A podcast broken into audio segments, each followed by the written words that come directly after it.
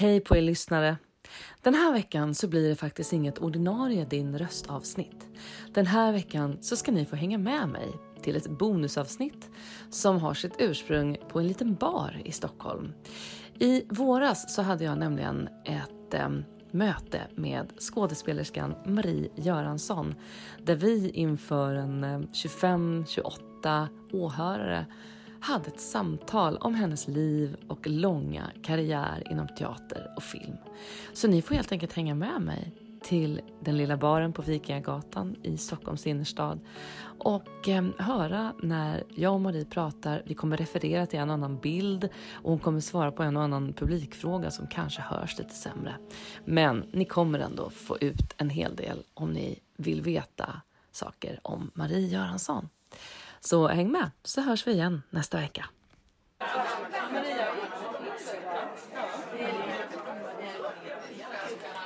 Kära vänner. Sitter ni bra? Då ska jag ge er den här anvisningen. Att eh, nu får man liksom vrida på sig lite om man känner att ens stol är riktad åt fel håll. Det går jättebra. Så känn er som hemma och liksom flytta ut stolen lite om man känner för det. Och eh, eh som ni ser så kommer det vara en och annan bild där bakom. Bakom några av er och framför några av oss. Och sen så kommer jag sitta här och prata i en sån här mikrofon för att vi vill inte slita på våra röster i onödan.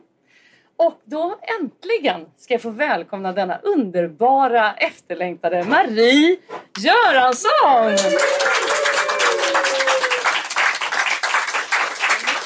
Sitta här. Jag har en eh, mikrofon till dig här. Ja, jag tror att du kommer ut. Jag kommer upp. Ja. Ganska bra ju. Och det gick. Jag kunde klara Vi kan stänga det där draperiet Robban. Där är din mikrofon Marie. Välkommen. Tack. Och jag måste säga eh, tredje gången gillt. Ja, Eftersom vi bokade det här 29 november och då var du sjuk. Fick Ja. vi boka av? Ja. Jag ser inte alla. Det är lite Nej. tråkigt. Men kan man inte liksom vrida stolarna så att ni... Eller flippa Jo precis. klipptrappor Känner att ni liksom eh, flyttar Där fram. ser man ju. Där ser jag jättebra. Ja. Där nere ser jag. Men det är de här flickorna där som jag inte ser. Ja, Där sitter det en. Du får komma fram Annika om du vill. Absolut. Kan du sätta er i mitten så Ja, ja. Så. nu är alla nöjda och glada. Mm. Ja. Nej men som sagt, tredje gången gillt. Sen var det januari, men då var det en pandemi som kom igen. Ja, Men nu är du äntligen här. trevligt. Väldigt, väldigt kul. Och eh, det är ju sagt så då att eh, bakom baren det är ett koncept där jag tycker att man ska äta och mysa och ha det bra och sen får ni själva se om ni har någon fråga till Marie under kvällen. Så känner er bara som att ni är i skolan igen och räcker upp handen så ska vi nog göra alla nöjda. Men Britt-Marie Elisabeth Göransson Malmsjö. Ja. Vad hände med Britt? Alltså så här är det. I, pass, I papperna där jag föddes så stod det faktiskt jag heter Britt efter min farmor. Det finns ingen bindestreck. Jag heter Britt Marie Elisabeth. Men de har dragit ihop det där någonstans. Ja, jag någonstans. orkar inte hålla på med det. Men jag har aldrig kallats för Britt. Nej men då så. Så det, det, det, du heter det du ska heta helt Ja. enkelt? Ja, jag förstår. Ja, är det, är det Marie ska ha micken närmare? Är det det kanske? Okej. Jo, Den då, den är på. alls, jo, då, den är på. Jag hör att den är på. Så då får vi ropa på Ska jag tekniksupporten. så nära? Ja, det ska du. Det är konstigt. Kan du höja Marie, Maries mick lite?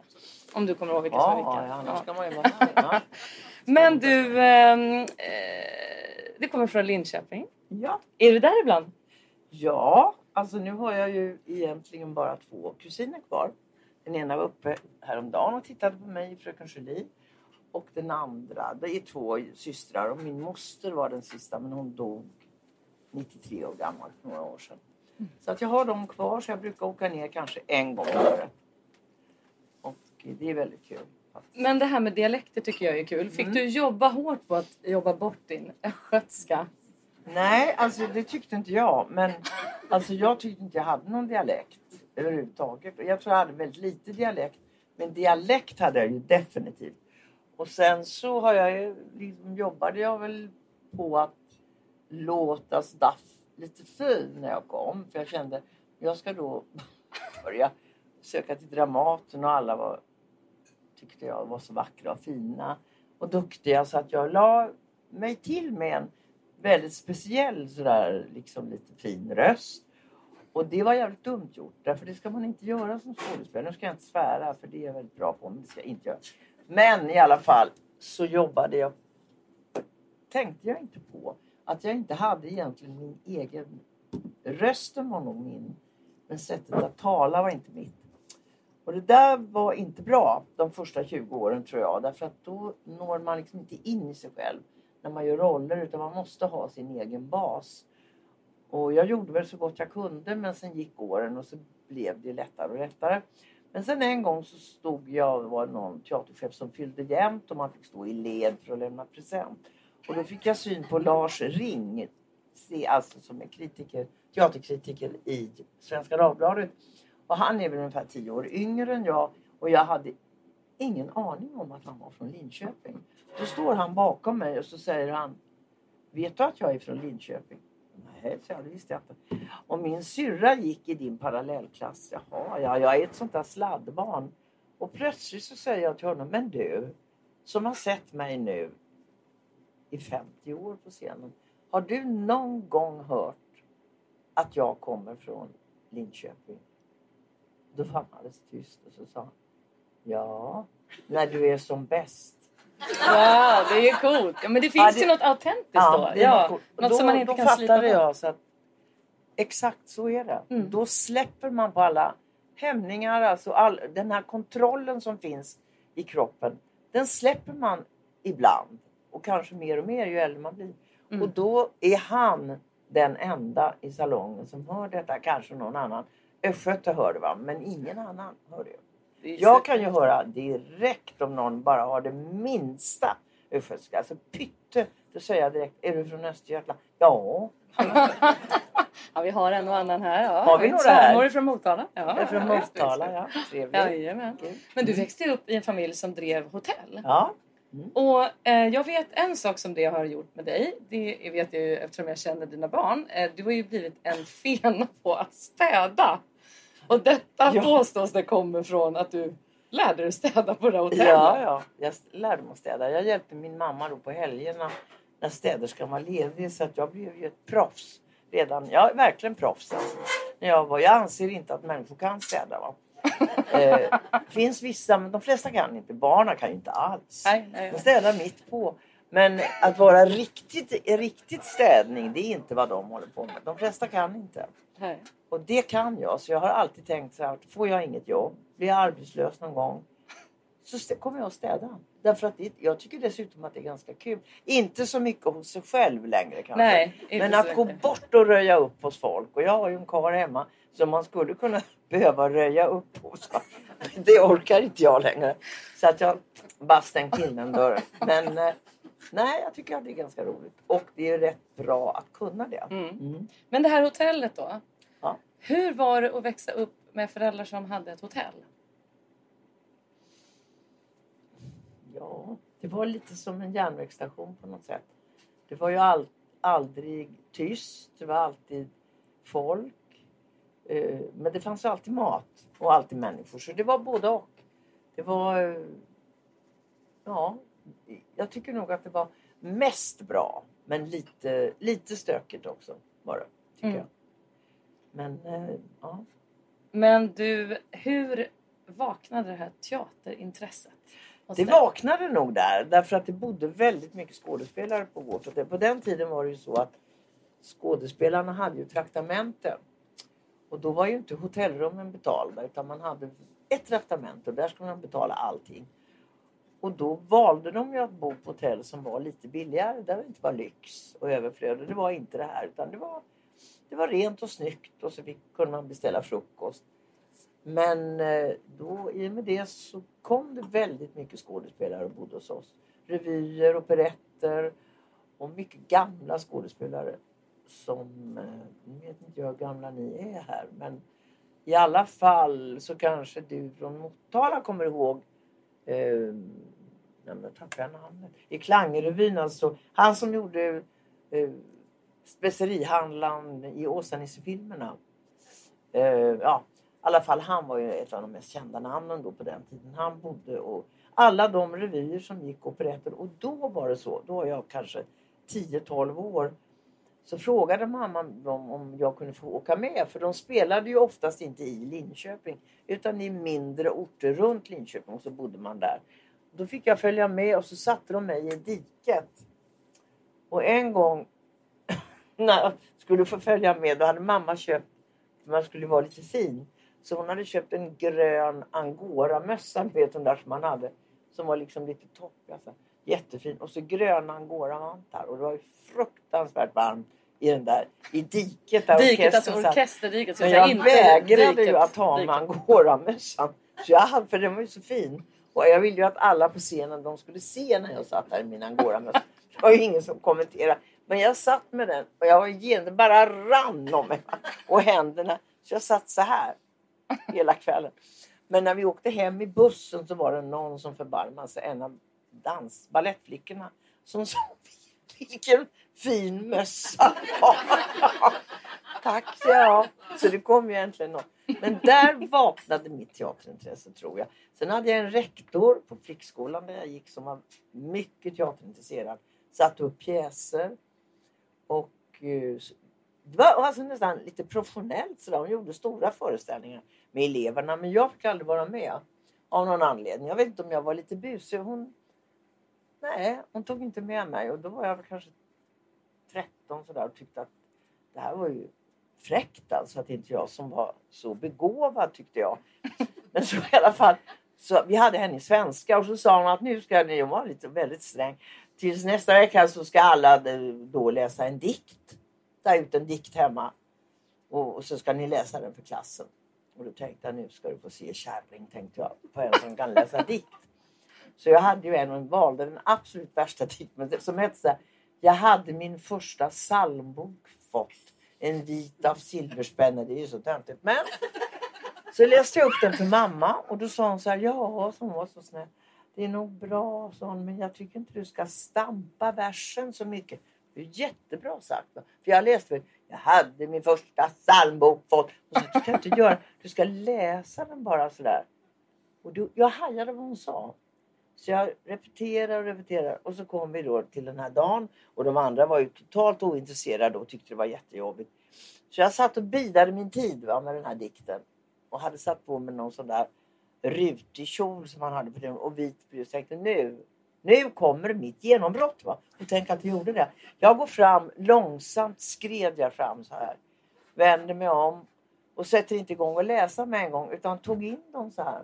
De här idiotiska tjejerna som satt. Och då tittade ju alla upp, för det gör man ju när det är tyst. Så alla tittade upp. Och hon, den här rektorn tittade på mig. Och så läste jag, jag hade min första psalmbok. Och läste den sådär oerhört dramatiskt. Och hon bara gapade och tittade på mig. Det tog bara två minuter efter så sa "Nej, men du måste ju vara med i Teatersällskapet. Ja visst. Oh, wow. Så det, där började det. Och sen fick jag spela ett par år efter så spelade jag professor Higgins. Och en av mina bästa vänner som jag fortfarande träffar. Hon heter Birgitta Koskinen idag. Hon är gift med prästen Lennart Koskinen. Och hon gjorde Eliza. Och vi gjorde jättesuccé. Och fick åka till Oscarsteatern och träffa Ulla Sallert och Jarl Kulle som spelade de rollerna. Och de pengarna hade vi tjänat ihop själva då. Så vi fick gå in bakom och hälsa på dem. Och då tog de en bild på mig och Jarl. Jag stod bredvid honom. Fick jag låna hans hatt. Och den bilden sparade ju jag.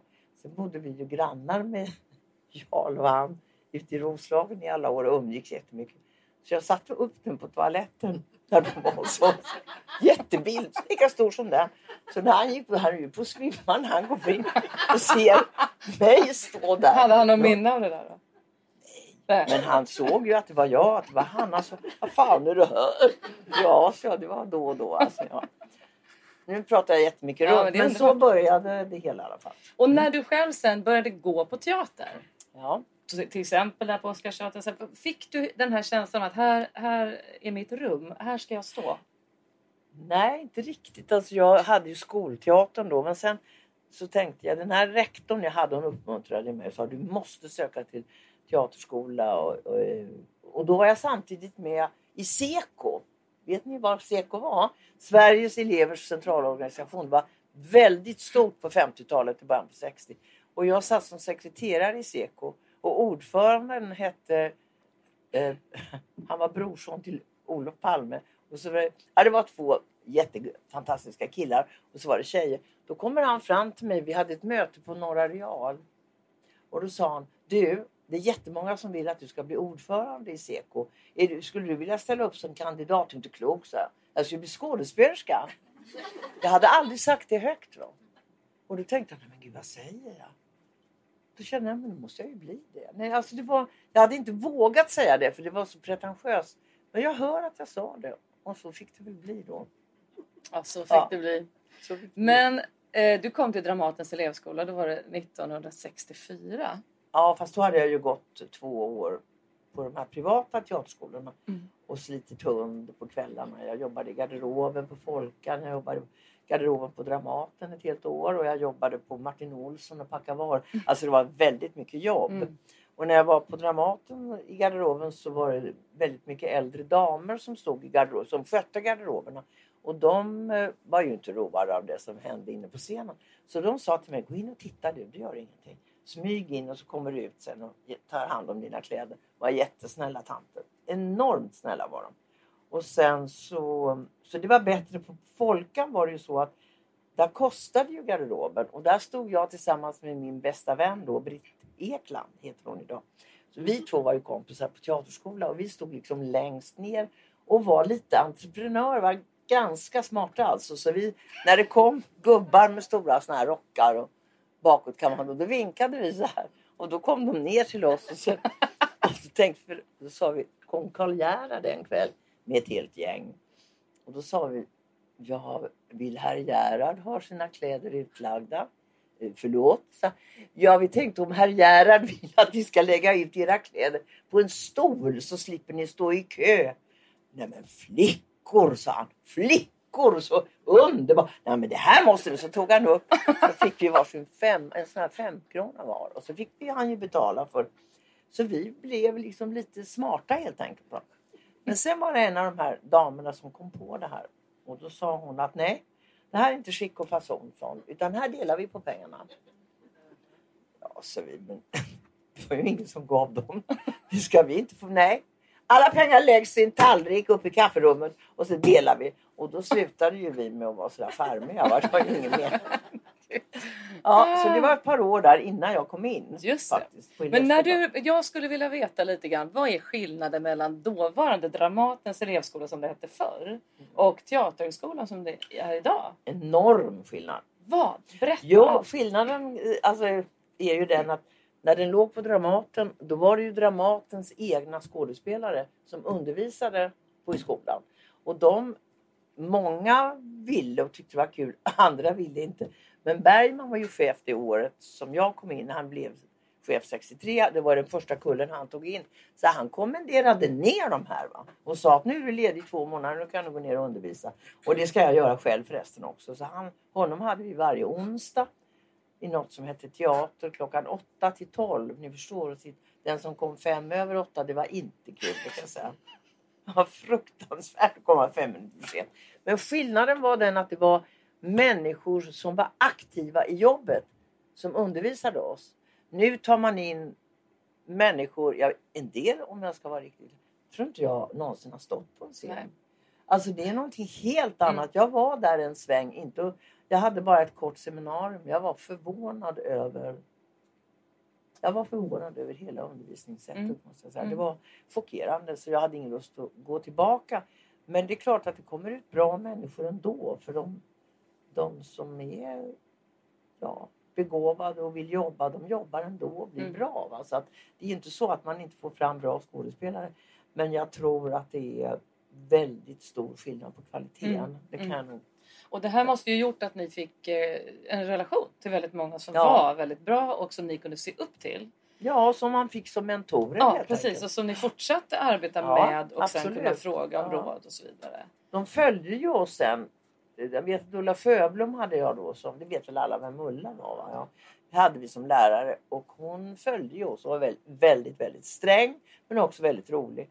Och så gjorde jag Ofelia i Hamlet ett par år jag hade gått ut och min man då, Jan Malmström. Mm, vi har bilder här snart. Oh. Nu har vi en ung bild på dig där borta om man vill titta hur, ja, otroligt söt. Mm. Där gick jag på skolan. Ja, gjorde du det? Första ja. filmen. Där är också, längst till vänster har vi Marie.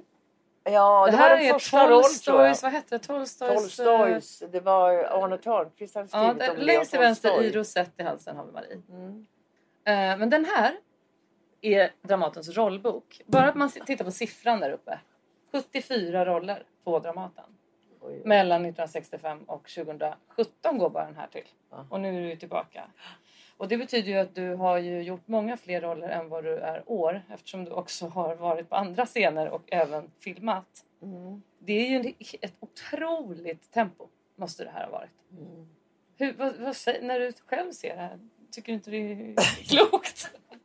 Ja, det var mycket. Det visste jag inte. Ja, Ja, nej, ja, man, man tar det bit för bit som man Ja, säger i Skåne. man. Alltså, det är Här är Jan och Där Marie, är Hamlet, där är Ofelia. Då får du fortsätta berätta om det. Jo, när vi gjorde då den här. Det måste ha varit 74 tror jag. I alla fall så hade Ulla Sjöblom varit och sett föreställningen. Och så ringde hon hem till mig och så sa hon att ja, hej det är Ulla Katarina Maria. Hade hade tagit sig ett glas och var lite glad. Eh, Jaha, hej Ulla. Ja, tittade på Hamlet igår. Ja, vad kul, sa jag. Mm. Jo. Nu är det ju så här vet du, att eh, man kan inte leva på utstrålning hur länge som helst. Nej. Så att eh, nu vill jag bara säga en sak till dig och det är att du, du dippar alla slutord. Jaha. Så du får sätta dig ner och fundera över det, för det kan du inte fortsätta med. Så. Ja, ja, vi hörs sen. Hej då! Och, och så tänkte jag, ska man börja jobba? Alltså ska man börja jobba igen nu? Jag fattade inte först, men sen började jag kolla det. Och så förstod jag ju att... Ja förresten, jag har hört det på radio, du gör likadant där. Ja, då började jag ju titta på texten i Hamlet och sen kollade upp så förstod jag ju att det där var ju någonting som väldigt många gjorde, men det var ju inget försvar för mig. Om jag då säger solen skiner vackert i Stockholm. Va? Säger alla. Var? I Stockholm ska det vara va? Och jag började jobba på det där och det blev liksom nästan en mani. Men idag är jag också väldigt observant när skådespelare inte säger hela meningen utan dippar som hon sa. Sen gick det kanske ett eller ett och ett halvt år. Då ringer telefonen och har Ulla Katarina från Mariatorget. ja, nu dippar du inte längre. Det är bra Marie. Hej då. Wow, gud, Alltså det är ju en riktigt bra mentor kan man säga. bra. De följer upp Och konkret också. Ja, och konkret. Riktigt Ja. konkret. Och Verkligen. sen hade jag lärt mig det och så var jag väldigt noga med det. Och är fortfarande väldigt noga med det. Och är det någon som gör som jag gjorde så brukar jag om jag har ett bra förhållande säga till. Men nu för tiden förstår ni går man inte på vem som helst. Då var vi glada och tacksamma. Det gör man inte idag. Nej, inte. Vet de unga idag, de hälsar knappt. Nej, det gör man inte sådär utan vidare utan det ska vara något speciellt. Hela teatern är full av ungdomar men det är man, nej, det är någonting speciellt. Nu talar jag om väldigt unga, de som är under 30 kanske. Det är inte samma... Alltså vi fick ju gå och presentera oss för alla skådespelare och tala om vem man var och att man gick på skolan. Jag ska bara berätta. Min man Jan Malmsjö gjorde Krappsista band för tre år sedan. Då var han alltså 87 år. Kom tillbaks till Dramaten och var på målarsalen. Så tänkte han en dag, jag tror jag ska, ska gå ner i lunchrummet och titta vad de har för mat. Så öppnar han dörren och tittar in.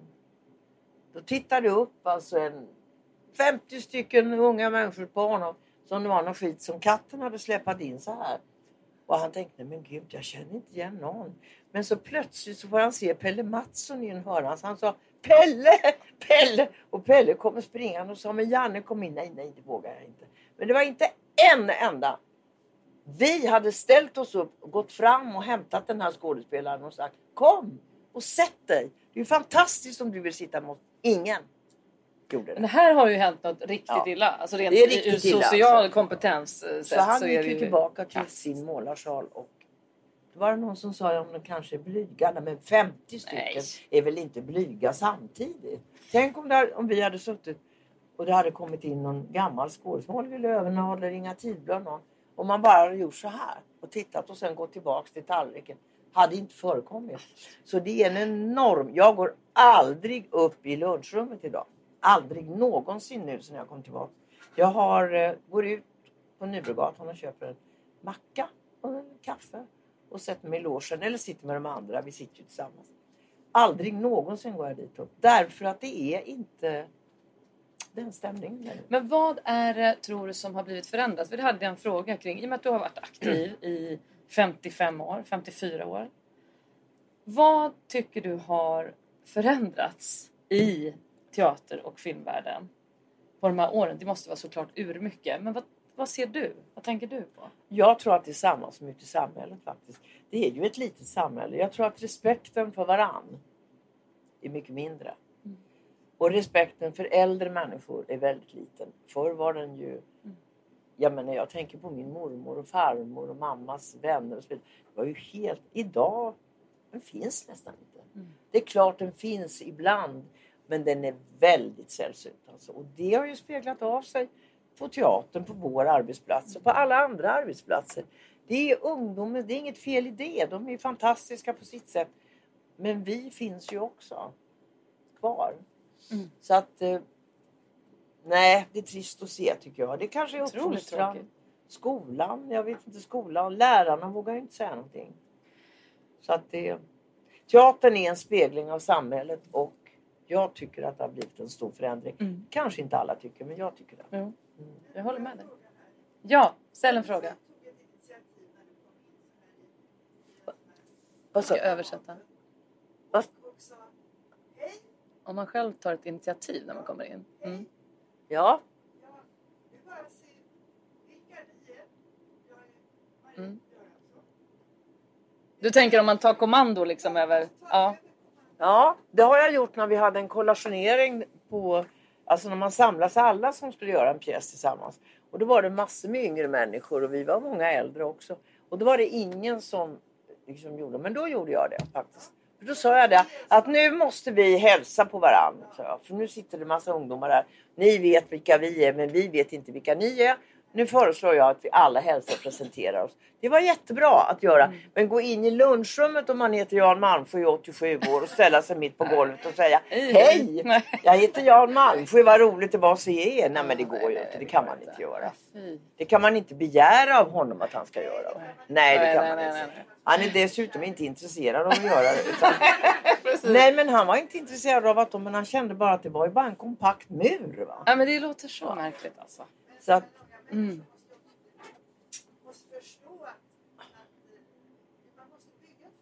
ja, jo, Jo, ja. absolut. Mm. Men du vet, jobbar man med dem sen i en pjäs, då kan man bygga upp ett förtroende. Det har jag gjort jättemånga gånger. Jag har många, nu är de, börjar de bli lite äldre.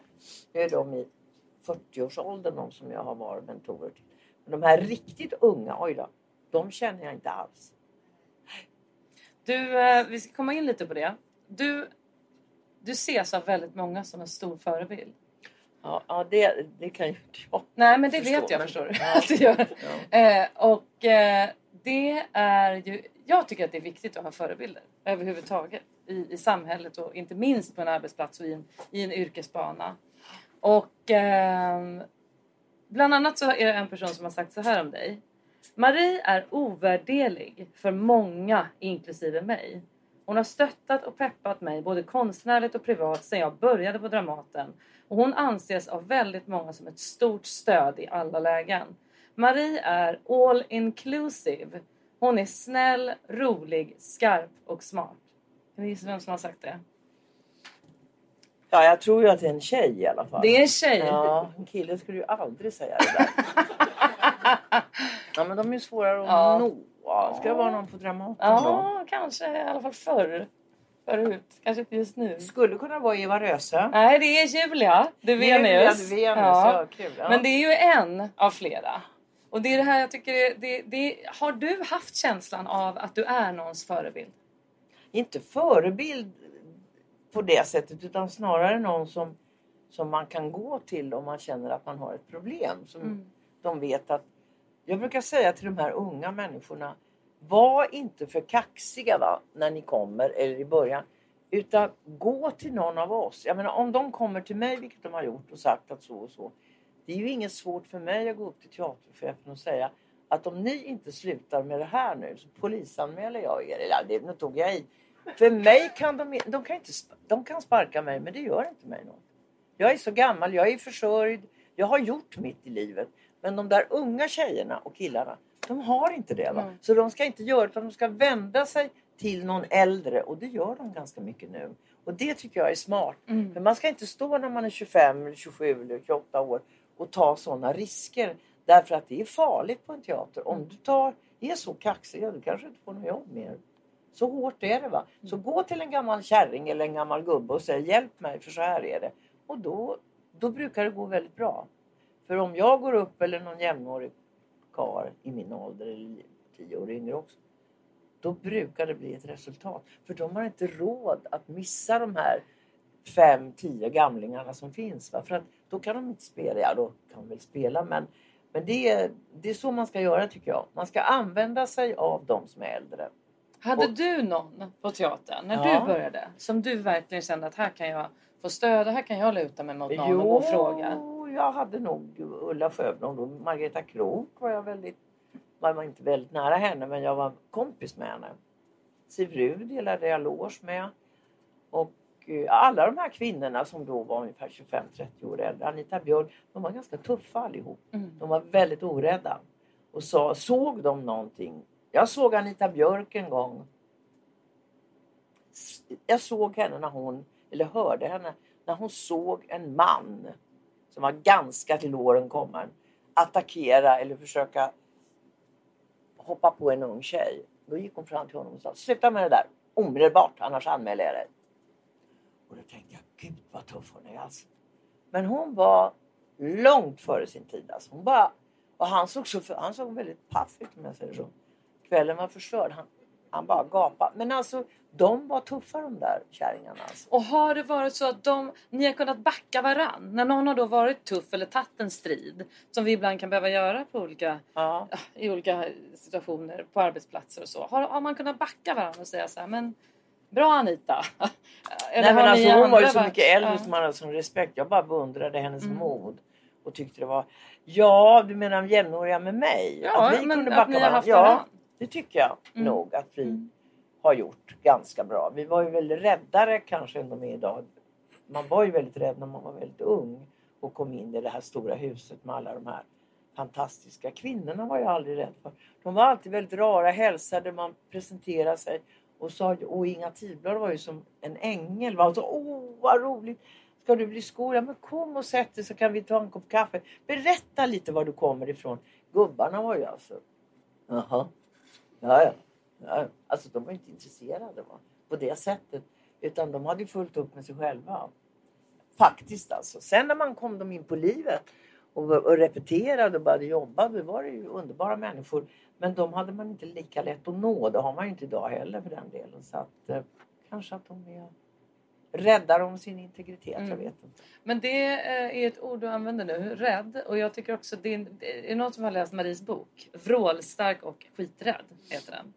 Hade tänkt att jag skulle tagit med mig den idag men jag glömde det. Eh, det är en fantastiskt bra biografi tycker jag. Jätteinspirerande, rolig och eh, rik på historier. Både från ditt liv och ditt teaterliv. Men det här med rädsla då.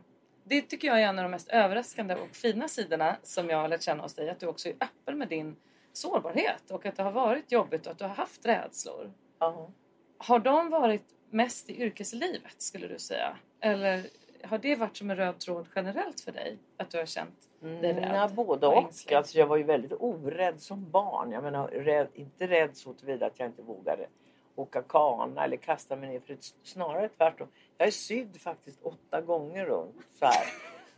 var väldigt, där var jag absolut inte rädd. Men rädd blev jag nog när jag kom till Stockholm och började konfrontera mig med det här jobbet och människorna. Och tyckte inte, hade väl samma problem som de flesta unga flickor har, att man inte tycker att man duger. Det fanns ingenting som jag tyckte var bra med mig. Att det var, allting var det fel på. Det sa jag ju aldrig högt, men jag tyckte det. Och sen tyckte jag att alla andra var mycket bättre. Och sen när jag då så småningom, jag är ju först gift med Lars Amble. fick en dotter Lollo som idag är över 50.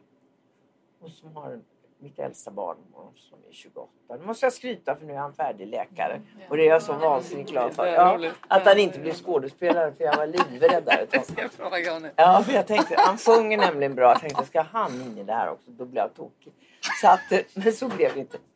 Så att jag pushade en aning där kan jag säga. Men, så var.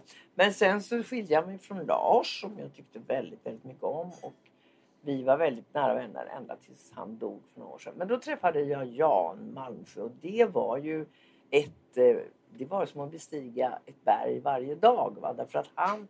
Ja, verkligen. Du känner ju honom. Alltså han var väldigt snäll. Han är en väldigt god människa. Men han var ju så omsvärmad va, av alla kvinnor. Och Det här var dödsdansen, eller hur? det var 93. dödsdansen. Den var Ja. Det lite suddig bild, men det... Men- man ser att det går hett till. Ja, men då var det ju så att jag var ju 11 år yngre och han var ju redan etablerad och, och omsvärmad av mycket kvinnor. Och det var jobbigt kan jag säga. Det var väldigt jobbigt. Det sitter sår i mig än. Jag kan bli förbannad till kaffet fortfarande. Fast han stackaren, han var ju inte så skyldig. Men alltså just hur man betedde sig alltså mot mig. Va? Det var... Och det borde jag ju ha glömt för länge, länge sedan. Jag har ju haft ett så fantastiskt eget liv. Men det sitter som knivhugg i bröstet.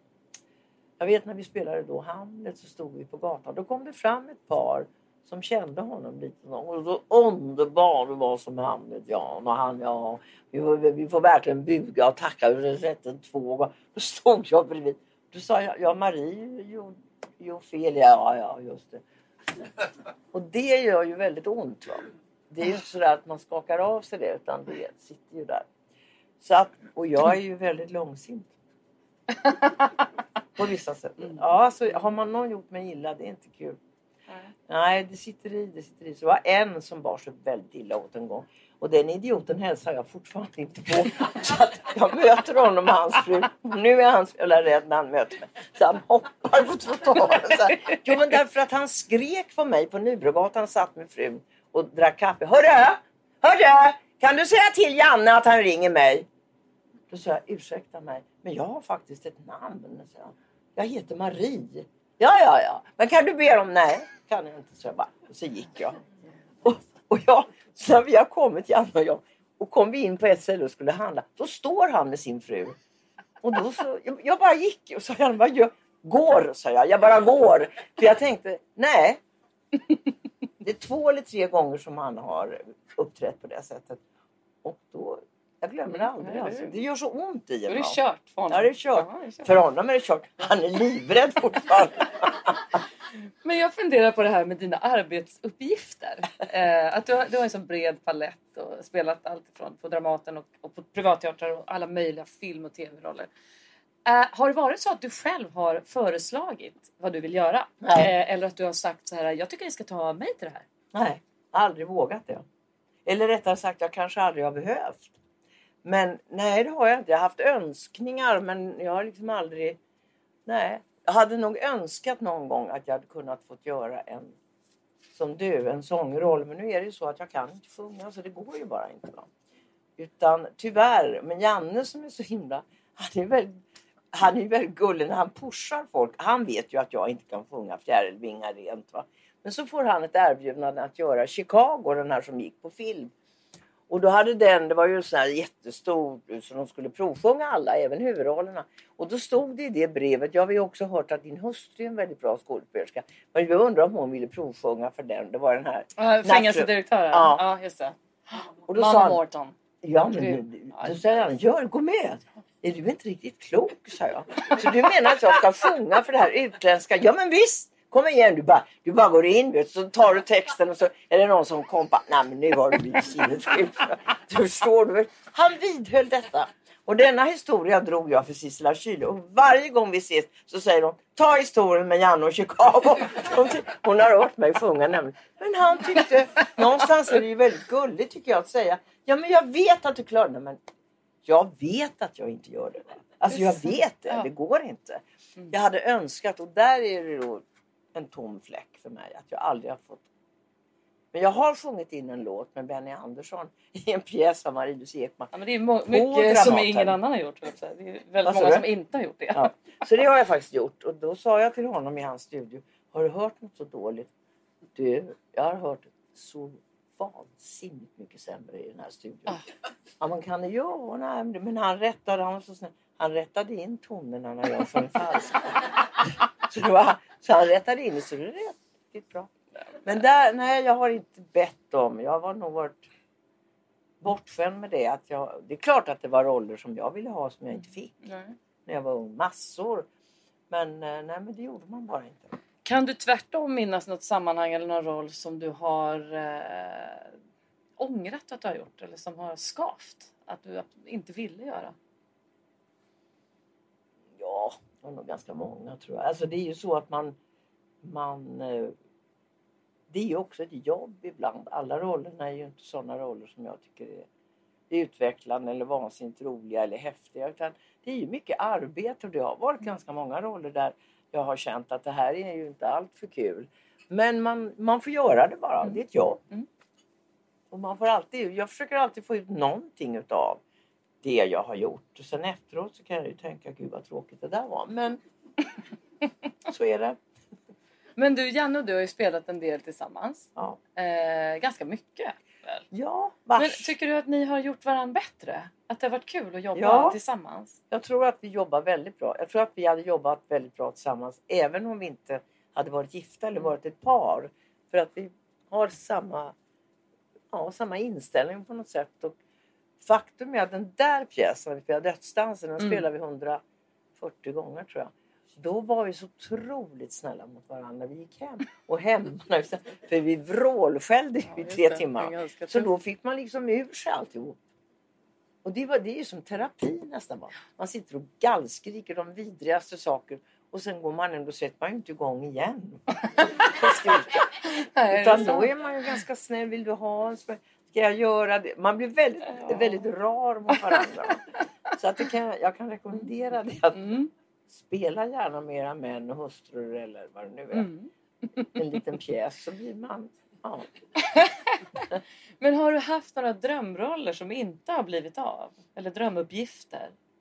Förutom sången då som du Ja, säger. sången. Ja, det är mycket. Ja, det finns det nog på vägen. Men när jag tittar på vad jag har gjort så har jag ju fått göra väldigt mycket av det. Jag egentligen inte har gått och längtat men det har blivit så. Ja, det fanns det nog när jag var yngre så fanns det nog en del som jag hade velat göra klart. Men jag kan inte komma på något. Jag tror att jag ville göra Julia, Romeo och Julia. Jag vet inte vem det var som fick. Men det har varit genom årens Klart, självklart. Och det har ju också varit... Jag vet när jag skulle få göra Fröken Julie som nu spelar igen fast jag är 100 år. Men i alla fall, när jag skulle göra den första gången 1985 och det var Ingmar Bergman som skulle sätta upp den och alla tjejer på teatern ville ju självklart göra den. Och så blev det jag och Peter Stormare som gjorde paret och Gerti Kulle. Då möter jag Lill Tarselius, hon är död nu. Hon dog för ett halvår sedan. Underbar tjej. Lika gammal som jag på Birger Jarlsgatan och då sa hon Åh gud Maria, vilken grej att du ska få göra Fröken Julie med Ingmar Bergman. Alltså jag, ja, jag, jag, jag, alltså jag hade varit så lycklig. Jag är så avundsjuk. Jag vet inte. Men du kommer att bli bra. Och så gick hon. Så tänkte jag vilken generositet. Och jag, har- jag har tänkt på det, det är ju så länge sedan. Och varje gång jag har träffat Lill så har jag tänkt där lärde du mig någonting. Att verkligen, man kan få vara avundsjuk. Mm. Man kan få känna, jag vill göra det här.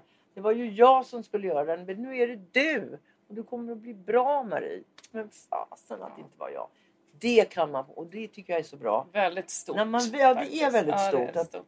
Öppna upp sig så för en Mm. annan människa. Mm.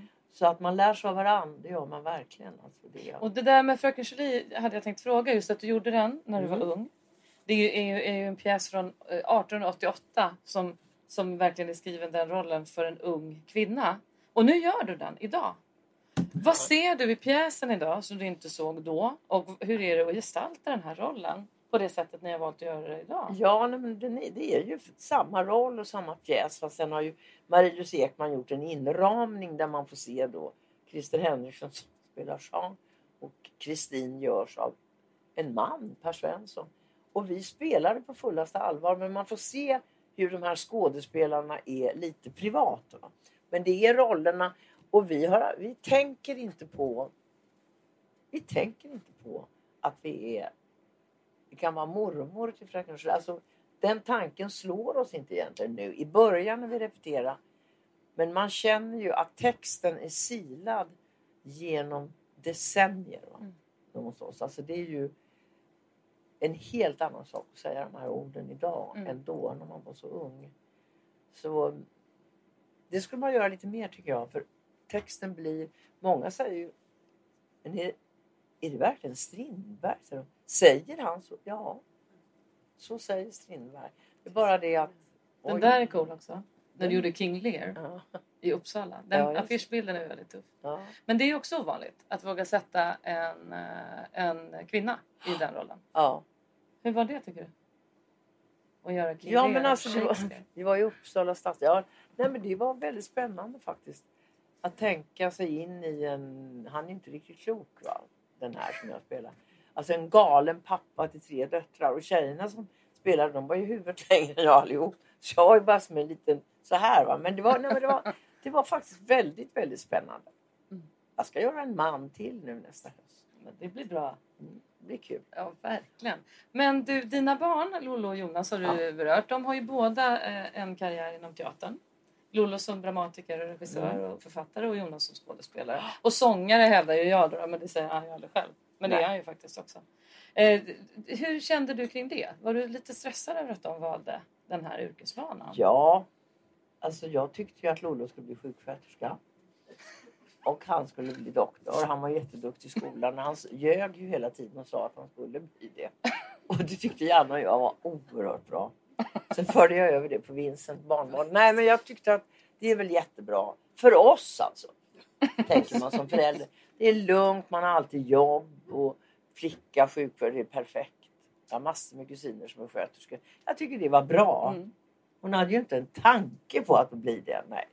Utan hon valde ju sitt och han valde sin väg. Och eh, det är bara att vara glad om, om de klarar sig och vara lycklig om de är lyckliga. Men det är ju inget önsketankande tycker jag. Det var inte som jag gick och sa att du måste bli skådespelare. Du måste skriva och bli journalist. Nej, alltså så konventionell blir man tror jag. Eller konservativ på något sätt. Att jag kan göra vad som helst men mina barn måste ha ett väldigt inrutat liv. Så att jag inte behöver bli nervös. Jag tror att det är det det handlar om. Att man inte vill bli osäker själv. Vad ska hända liksom om de... Men det har gått bra. Det går ju. Ja, det har ju gått vansinnigt bra. Men det oron finns ju fortfarande. Men eh, kanske hade varit lika mycket oro om de hade varit... Jag tycker alltid att de flesta föräldrar tycker sjuksköterska är väldigt bra. Ja, men jag tycker att min farmor var det och jag har massor med kusiner som är det. Jag tycker det, det tycker jag är bra och präktigt. Ja, ja, ja. Jag skulle ju helst... Min mormor sa till min bror, hon älskade honom, han var första barnbarnet. Hon var riktig östgötska. Och när han tog studenten och skulle in i det militära då sa mormor så här. Ja Bosse, ska det gå för dig i militär. Mormor får gå med och bära geväret. Och det säger vi jämt till varandra i släkten. Han får bära geväret lovar säger jag. Ja, skrattar alla. Men det är så bra bild va. En gammal mormor och, var, och skulle gå bredvid och bära. Det är ungefär så va. Vem ska bära geväret? Men finns det någon uppgift, någon produktion eller rollprestation som du känner dig speciellt mallig över? Speciellt stolt Mallig? över? Nej, men så glad och stolt över att du har, som du är extra... Ja, Extra glad. jag är extra glad över. Alltså det är ju några stycken pjäser som har följt. Det finns några nedslag sådär som jag tycker har varit väldigt roliga. Det tycker jag ju var Hamlet så det var väldigt tid tyckte jag var roligt. Sen tyckte jag Fröken Julie med Bergman också jättekul. Långdags färd mot natt var ju väldigt kul med Keve Hjälp. Alltså det är de där lite tyngre och Dödsdansen. Och eh, Höstsonaten som jag gjorde med Maria Barnevik. Ja, det är några, kanske en sex, sju produktioner som jag har gjort med jämna mellanrum. Mm. Som jag känner är, ja, att jag är lite stolt över alltså, Mm. själv. Och Mm. tycker att det var, det var kul, det var bra, det var roligt.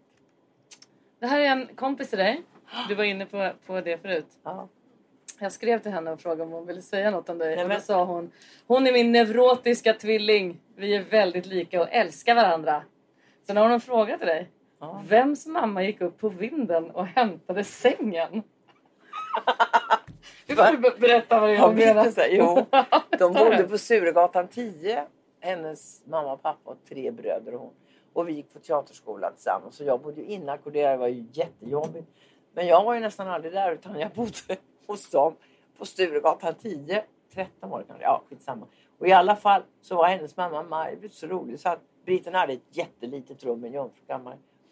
Och sen gick mamma Maj-Britt upp på vinden och hämtade den där, ni vet som ser ut som en sån här Ikea-säng man köper en madrass och fällde ut och bäddade. Och då sa Britten, kan den inte få stå här?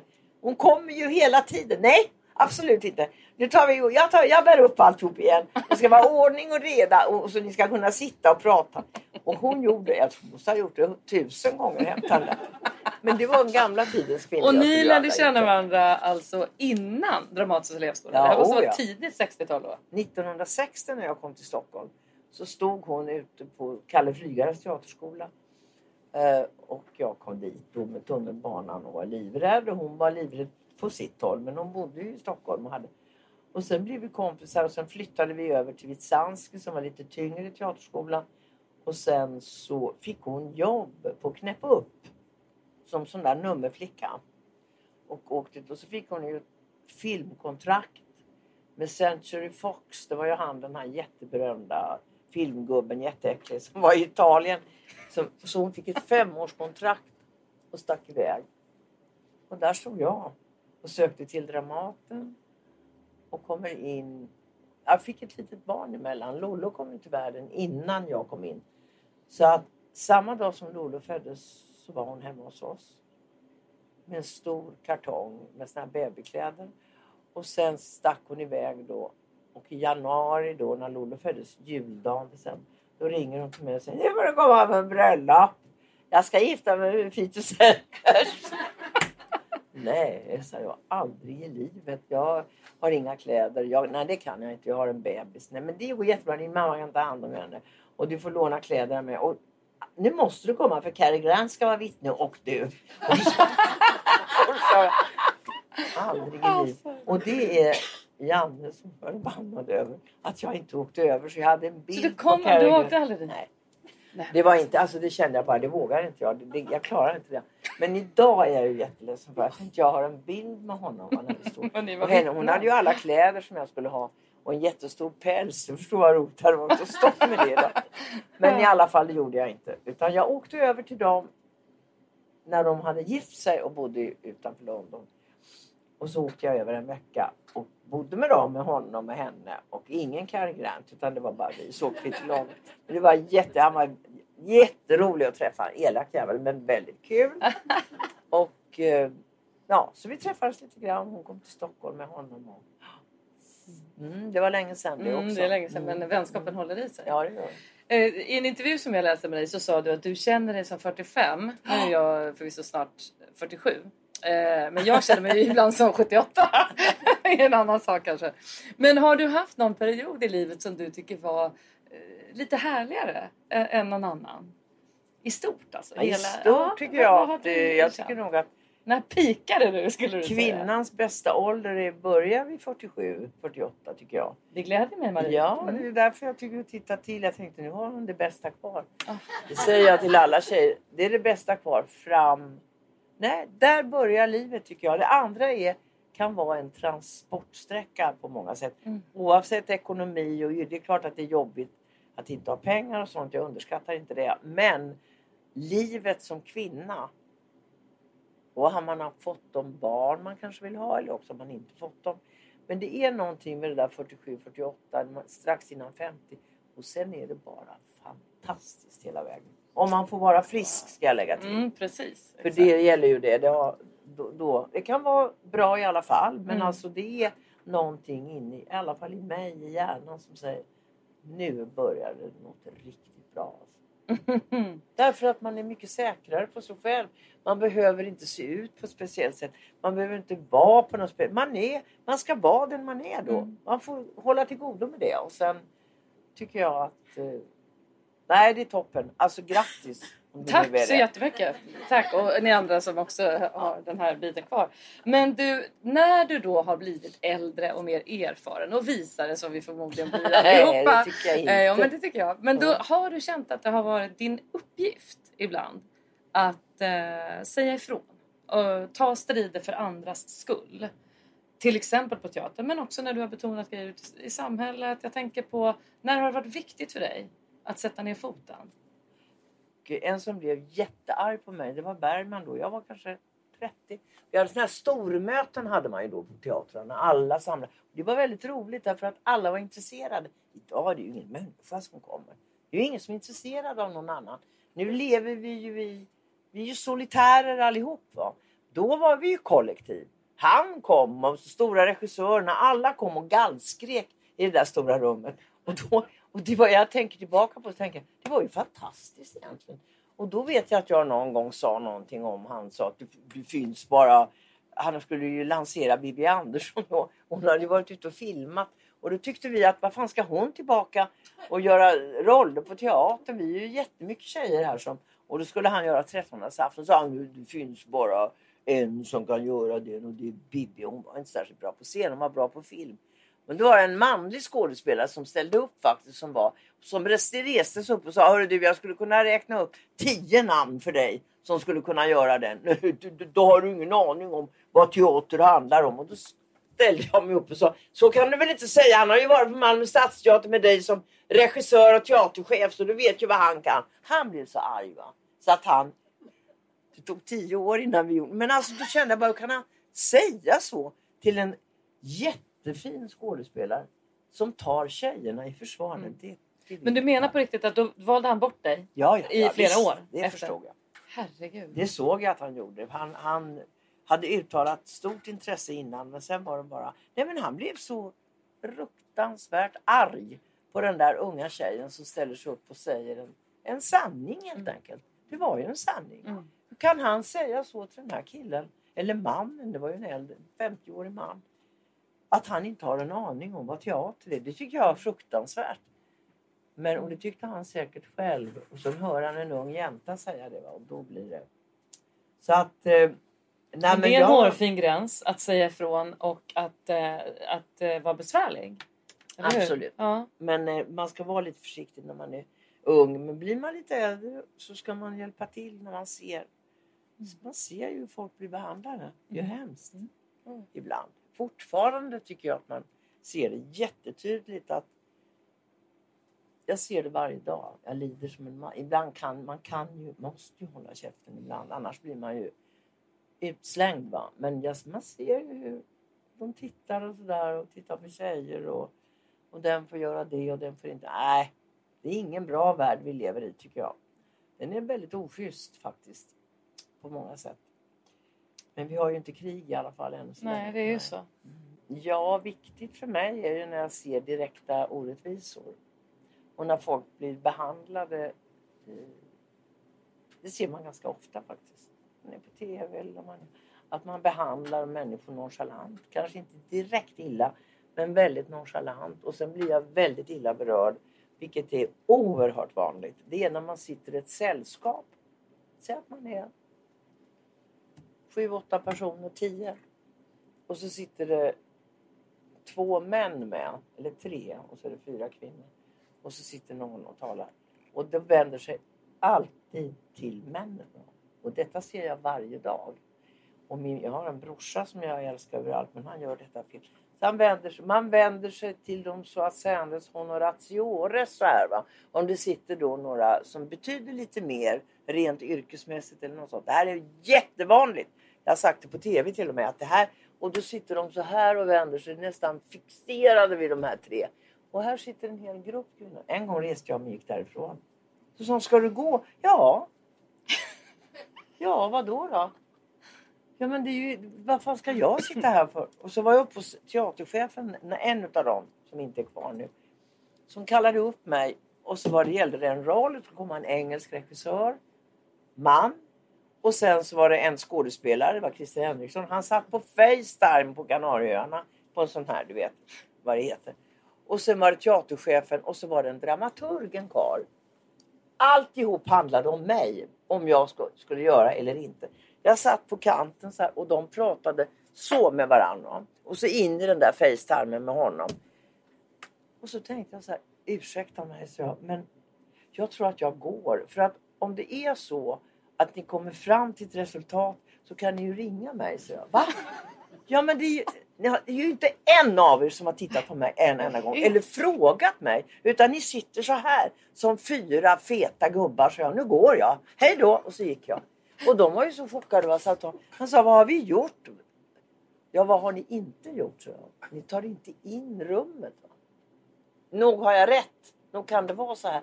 Det är Ja, väldigt dåligt alltså. Jag tycker alla killar ska tänka på. Jag måste säga ett berömmande ord om min man. Men han är ju å andra sidan galen i tjejer va. Han gör aldrig så. Han tittar bara på tjejerna. Det må vara 15 år eller 100. Han har inte det. Men det är nästan den enda jag har träffat som inte har det. Alltså. För det, Ja, annars är man fixerad. Det sitter Erland. Josefsson, Joel Kulle och där sitter den författaren och så är man fixerad vid de här männen. Då blir jag jätteförbannad. Ja, och det är också väldigt befriande Ja. tycker många att det blir det. Jag tycker verkligen det. Men är detta... Dramaten, jag har varit inne på en del och det är liksom, nu exemplifierar du en del som har hänt där. Mm. Jag har ju aldrig arbetat där och jag, det är ju en ganska mytomspunnen arbetsplats. En ganska mytomspunnen byggnad. Eh, jag älskar att höra historier från, från Dramaten. Men, men är det, eh, har det hänt mycket bra där? På grund av att det har varit lite diff i sådana här situationer. Det har varit mycket mansdominerat och patriarkatet har stått som spön i backen där inne.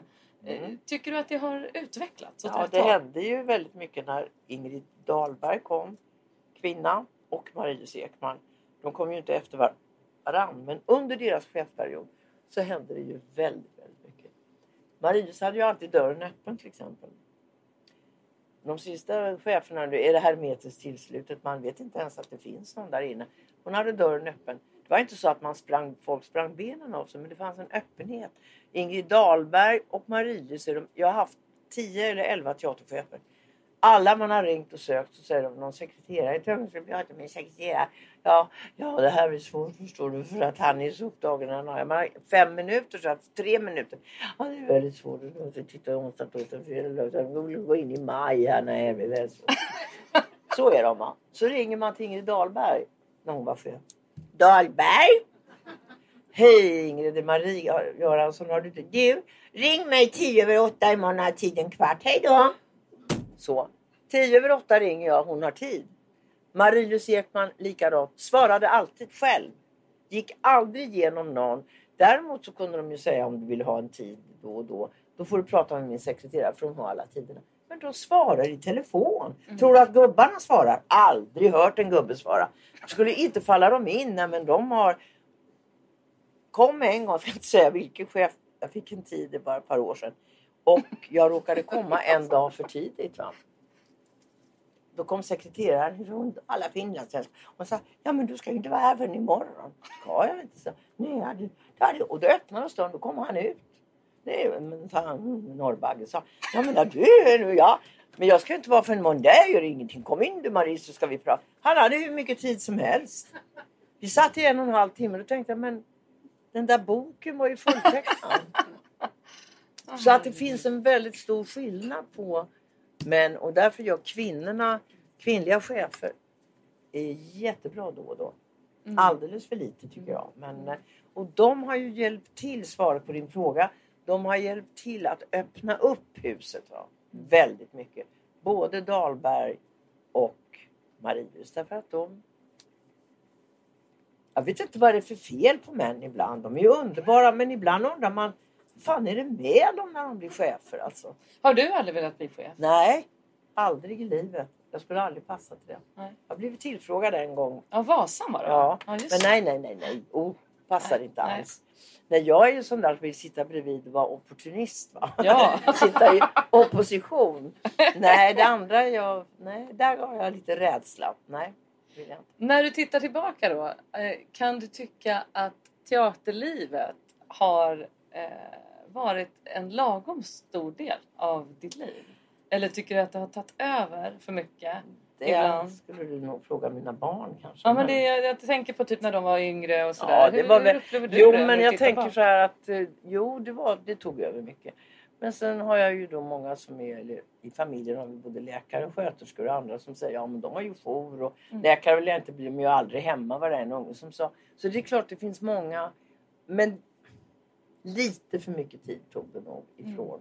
Jag tror att barnen har fått konkurrera med mitt jobb väldigt mycket. Och eh, vi hade ju somrarna, då var vi alltid lediga och åkte med ungarna två månader till Skåne. Så att då bestämde vi, då gör vi ingenting. Va? Men jag kan nog tycka att lite mycket kanske. Mm. Lite synd om dem. Men eh, jag har ju kompenserat det på äldre dagar. Så jag har ju varit väldigt mycket mormor och farmor. Mm. Och eh, det är ju lättare på ett sätt att, att vara. Jag vet inte om det är det för alla. Men för mig har det i alla fall varit oerhört mycket lättare att, att säga till Vincent som är 28-29 nu. Jag älskar dig överallt på jorden. Eller Love som är 16. Och då har ju lite sån här, så här, alltså, jag älskar dig Love. Ja, ja, bra. Så att på något sätt så är det lättare. Va? Man kliver liksom över någonting. Och så ger man tillbaka något som man kanske inte kunde säga på samma sätt. Jag, vet, jag älskade mina barn. Men jag vet inte om jag sa det på det sättet. Utan ja, det är bra. Det är väldigt, väldigt stor present att få barnbarn. Så att man kan ta igen lite av det man har missat. Alltså, tycker jag. Den här bilden är från eh, Katt på hett blåtak Mm. som gick eh, förra året. Och även lite förrförra va? Innan Nu i höstas pandemin. Nu i höstas. Jag var där Mm. er allra sista föreställning. Det var Ja. en helt magnifik teaterupplevelse. Du var ju helt otroligt bra. Det är Peter Andersson där med dig. Ja, är väldigt bra. Ehm, i, jag har för mig att jag läste någonstans när ni hade premiär på den här så har jag för mig att jag kommer inte ihåg om det var på en teaterblogg eller om det var i en recension så stod det att Marie Göransson är en nationalklenod. Och det är ett Det ganska jag stort... Det är ett ganska Det har jag stort inte läst. Nej men då, men jag har läst det, jag lovar. Jag har inte hittat på det. Och jag, jag tycker det var, det är jag vet inte om det finns något större begrepp att ta till. Eh, men när, när gick det upp för dig att du faktiskt är en av de stora? För det har du väl fattat? Ja, men det går man ju inte omkring och säger till sig själv. eller liksom ens tänker det. Ja, men när, Nej, men jag, te- man tänker inte... Ja, men alltså att... Nej, jag tänker inte så riktigt. Jag tänker att jag är en av dem som är bra. Tänker. I min generation som finns kvar. Det, det, så långt kan jag sträcka mig. Jag går aldrig och tänker sådär att jag är verkligen en av de bästa eller jag är något alldeles extra. Utan jag håller mig till det här att nej, men jag vet att jag kan vara bra. Men jag kan vara mindre bra också. Så att nej, så övermaga har jag inte blivit än. Jag kanske blir det snart när jag blir lite gaggigare. Så att, Mm. eh, men det är klart man vet sitt värde, det vet man ju. Men det är inte säkert att det värdet ser likadant ut hela tiden. Det Nej. kommer ju svackor också när man känner att det där var inte så bra. Ja. Så att, eh, jag tror det är bra om man kan hålla sig något sånär något sånär helt enkelt. Bara.